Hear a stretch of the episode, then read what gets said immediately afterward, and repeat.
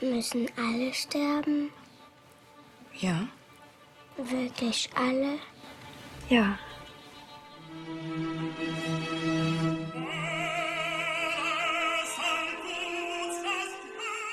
Pozdravljeni, Mihajl Haneke velikan sodobnega avtorskega filma, letos praznuje 80. rojstni dan.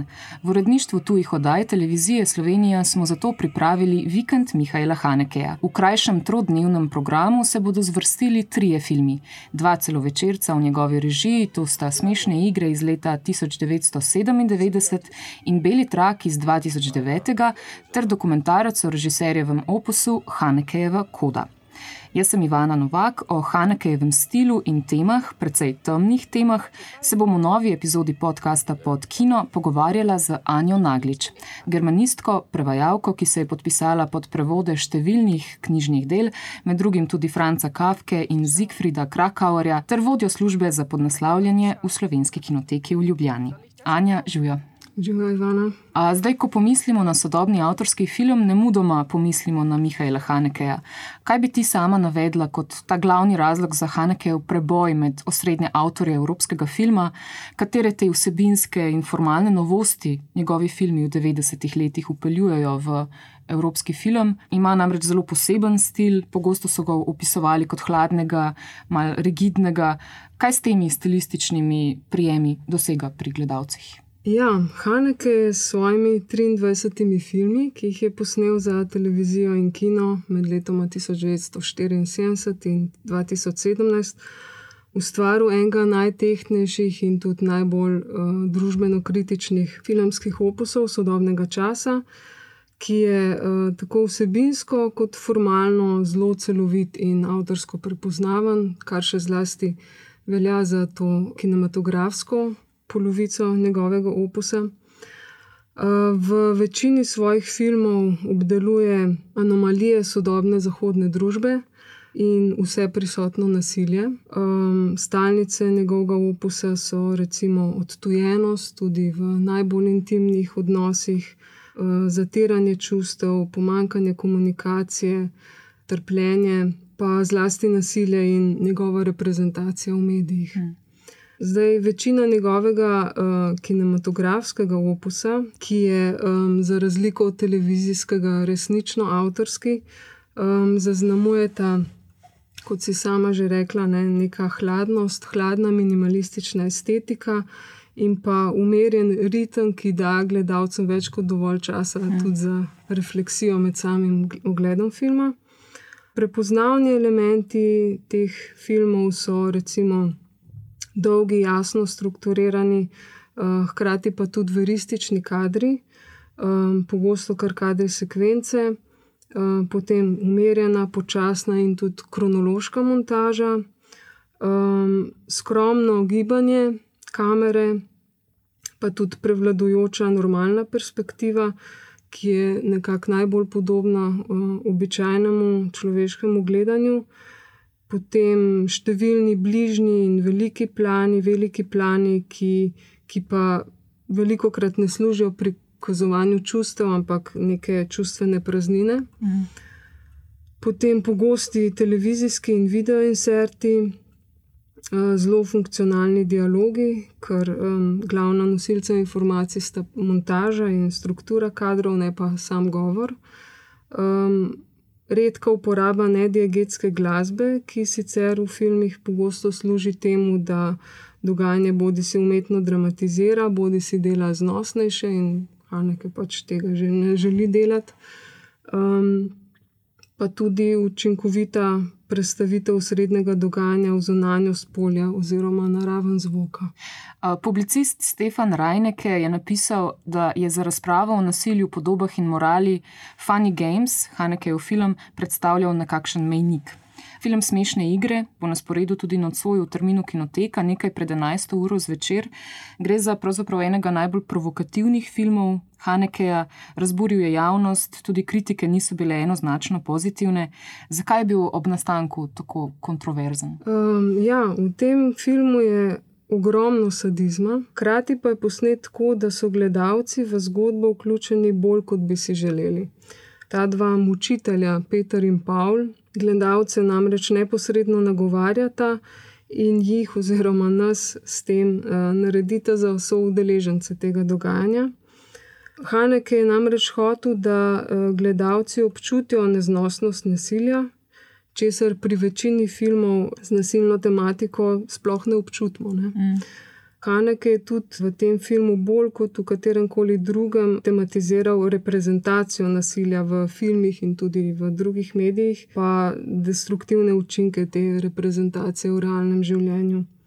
To početje Petra in Pavla nima socialnih, političnih, religioznih ali pa erotičnih dimenzij, s katerimi se sicer uh, legitimira večina nasilja v filmih. Povod za njuno morilsko odisejado je enostavno užitek v nasilju. In uh, enako kot mladeniča ob svojem zločinu, uh, tem zločinskem mm. početju, ostajata skozi vse film hladna, je taka tudi kamera. Pač mm. Z distance pol splošnega plana, recimo, spremlja očetov krčevit napad oka ob, eh, ob umoru sina. Skratka, Haneke je v tem filmu brez neposrednega prikazovanja najbolj grozljivih dejanj, ki jih je, kot sem prej že omenila, ne, um, v mestu v zunanjo spolja, zbudil občutke skrajne groze. A se ti zdi, da ta film še danes ohranja svojo ostrino, to je 25 let pozneje? Ja, mislim, da je še vedno mhm. podobno mučen, čeprav smo pač zdaj še bolj navajeni prikazovanja nasilja kot takrat sredi 90-ih. Kaj je v Hanekejevih filmih za res funkcija šokiranja, provokacije, kot v filmu Smešne igre, ki gledalca, kot si rekla, namerno šokira do neke točke neprebavljivosti ali pa negledljivosti? Kako točno jih šokira in kaj skuša Haneke s tem šokiranjem doseči? Zdaj, Hanekejeve zgodbe niso šokantne in grozljive ker bi bile spektakularne, ampak zato, ker v bistvu kažejo družbeno realnost od ostr kritih sodobnih holivudskih filmov, za katere prav, da ljudi zavajajo in poneumljajo, med drugim tudi s tem, ko za vsak problem takoj ponudijo rešitev. To je pač malo posplošeno rečeno. Ja, ja um, želi Haneke s svojimi filmi uh, gledalce emancipirati v smislu spreminjanja dejanskosti, samo spreminjanjem uh, gledalcev. Uh, in sicer z kupico, skupico neodgovorjenih vprašanj in skrivnostnih elementov, pa z nejasnimi prehajanji od reprezentacije k reprezentaciji reprezentacije mhm. in z odprtimi konci filmov, nas pač spodbuja k razmišljanju in iz uh, udobne pozicije pasivnih vojerjev nas prestavi v ulogo soudeležencev dogajanja, kot recimo zelo izrazito v, v smešnih igrah. Um, Zaradi tega pogleda v kamero, recimo. Ne? Tudi, ja. Mm. Postajamo soudeleženci so dogajanja, ki se tudi kritično tako v emocionalnem, kot eh, tudi v racionalnem smislu opredeljujemo do dogajanja in oseb na platnu. Eh, s tem pa seveda posredno tudi do lastnega življenja in do, do svoje soodgovornosti za stanje sveta. Ja, v številnih filmih se nasilje povezuje z novodobnimi mediji, računalniškimi igricami, filmi in tako dalje, kar si tudi omenila, da se Haneke pravzaprav tudi sklicuje nekako na holivudske filme. Kako je s tem konkretno s povezavo nasilja in medijev v smešnih igrah in predvsem mogoče v Benjevem videu, ki sicer ne bo na sporedu televizije, ampak je kar pomemben film tem oziru? Haneke se zelo veliko posveča povezavi nasilja z mediji in tudi s tehnologijo. Um, ne samo v teh dveh filmih, ki si jih omenila, ampak recimo tudi v svojem edinem eksperimentalnem televizijskem filmu Nekrolog za morilcem, tam mhm. izpostavi recimo eh, televizijo. Potem v 71 fragmentih iz kronologije na ključa, ki je en od teh delov trilogije, kamor spada tudi Benjav video, um, se tudi televiziji izdatno posveča v neznani kodi, reportažni fotografiji, pa filmu um, v srečnem koncu, to je zaenkrat njegov zadnji film, pa predvsej pomembno vlogo igrata um, internet in pa mobilni telefoni. Kar se tiče smešnih iger, tam se Haneke loti vprašanja, kako z nasiljem nasičene risanke, stripi, video in računalniške igre vplivajo na naše dojemanje nasilja v realnosti in tudi na odzivanje na, na to nasilje. To je bila v bistvu kar popularna tema v 90-ih Ja. letih, ne nasilja in mediji. Ja. Mm. Ta dva mladeniča, Peter in Paul, ki drug drugega tudi um, uh, včasih imenujeta uh, Tom in Jerry oziroma Beavis and Butthead, svoj morilski načrt udejanjata po vzoru računalniških videoiger. Uh, in sicer svojim trem žrtvam vse čas zastavljata uganke, uvere, izbirne možnosti, ki potem odločajo o tem, po kateri od ponujenih poti se bo igra odvijala naprej.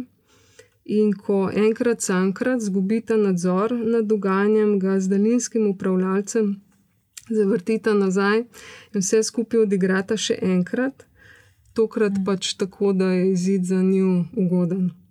V te smešne igre so pa, uh, kot rečeno, poleg žrtev vključeni tudi gledalci. Pavel se, se k njim oziroma k nam obrne s kar nekaj vprašanji, recimo, kaj menite vi, mislite, da imajo možnost uh, zmagati, se ste na njihovi strani, kaj ne. Mm. Ti vložki obenem upozarjajo na dejstvo, da filmi z nasilno vsebino obstajajo zaradi gledalcev, ki pač v kinu in na televiziji nekritično in dan za dnem neprizadeto konzumirajo nasilne podobe in v njih konec koncev tudi sadistično uživajo. Ne. Zdaj, kar pa zadeva Benjev video, to je pa zgodba o najstniku, ki ob ekscesivnem konzumiranju televizijskih in videopodob, pa obenem tudi ob pomankanju starševske pozornosti, popolnoma izgubi občutek za mejo med resničnostjo in, in njenim posnetkom, uh, pa tudi sposobnost za empatijo in ljubezen. En citat iz članka Melite Zajc, ki je um, napisala, da se ta film ukvarja s tem, kako po zaslugi sodobnih medijev, simulacije in virtualizacije. Medijev neskončne ponovljivosti istega pozabljamo na svojo telesnost in materialne posledice svojih dejanj. Mm. Ja, super.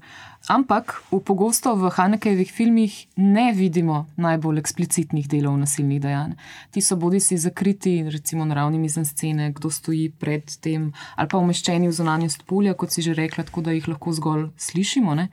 Kako razumeti to, da režiser, ki obravnava prav svet nasilja, sistematično izpušča eksplicitne prikaze nasilja? A, mogoče se lahko tukaj naveževa tudi na film, um, mislim, da je bil francoski film Skrito, uh -huh. Film iz leta 2005, ki pravzaprav govori prav o potlačitvi nasilja. Jaz bi rekla, da za Hanekejevo pogosto, ne pa ravno povsem dosledno neprikazovanje nasilja obstajata dva razloga. Eden je to njegovo zavračanje obscenih šov efektov, Mm. drugi je pa dejstvo, da nevizualizirano nasilje deluje dosti bolj resnično in prepričljivo kot vizualizirano, in ga ni mogoče tako zlahka odpraviti kot zgolj filmsko in s tem zmanjšati uh, njegovo grozljivost. Zvok pač v nas veliko bolj neposredno prikliče domišljijo in čustva, Mhm.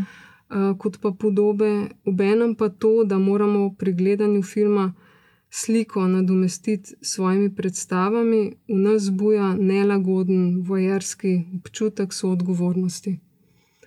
In marsikdaj njegovi filmi res največ uh, groze vzbudijo s tem, kar skrivajo, ne pa s tem, kar prikazujejo.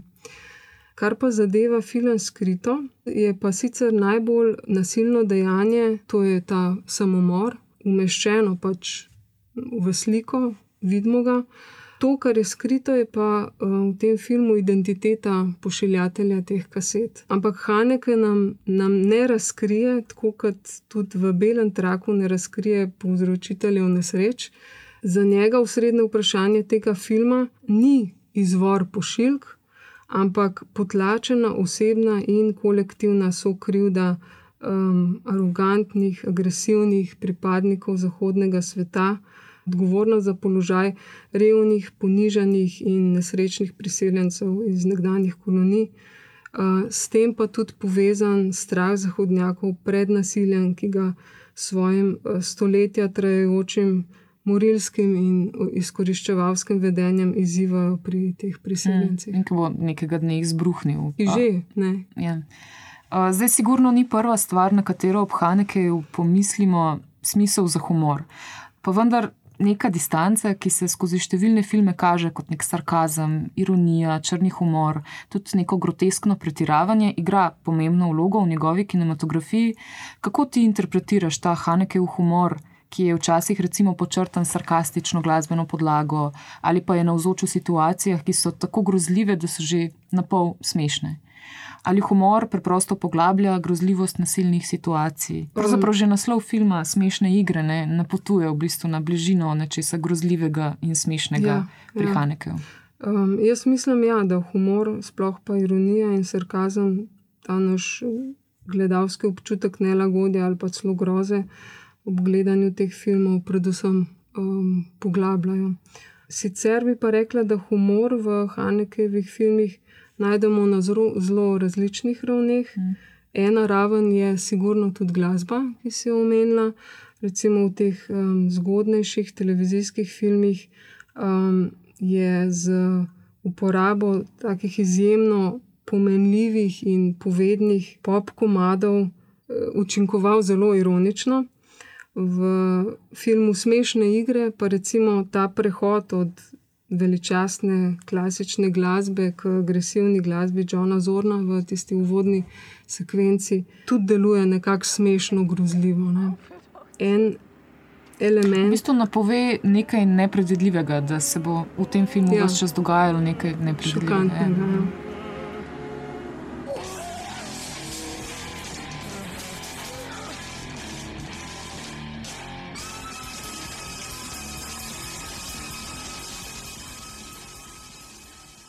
Beli trak bo tudi na sporedu v soboto. Zdaj, če bi Beli trak snimal kakšen holivudski režiser, bi pa vsej verjetnosti serijo zločinov, ki v zgodbi filma doleti to protestantsko vasico v Nemčiji tik pred Prvo svetovno vojno, pripisal neki hudi duševni motnji ali pa pretekli osebni travmi zločinca. V tem smislu holivudski film pogosto tradicionalno pravzaprav psihologizira nasilje, ne pripiše nek duševni vzrok za kriminalnost.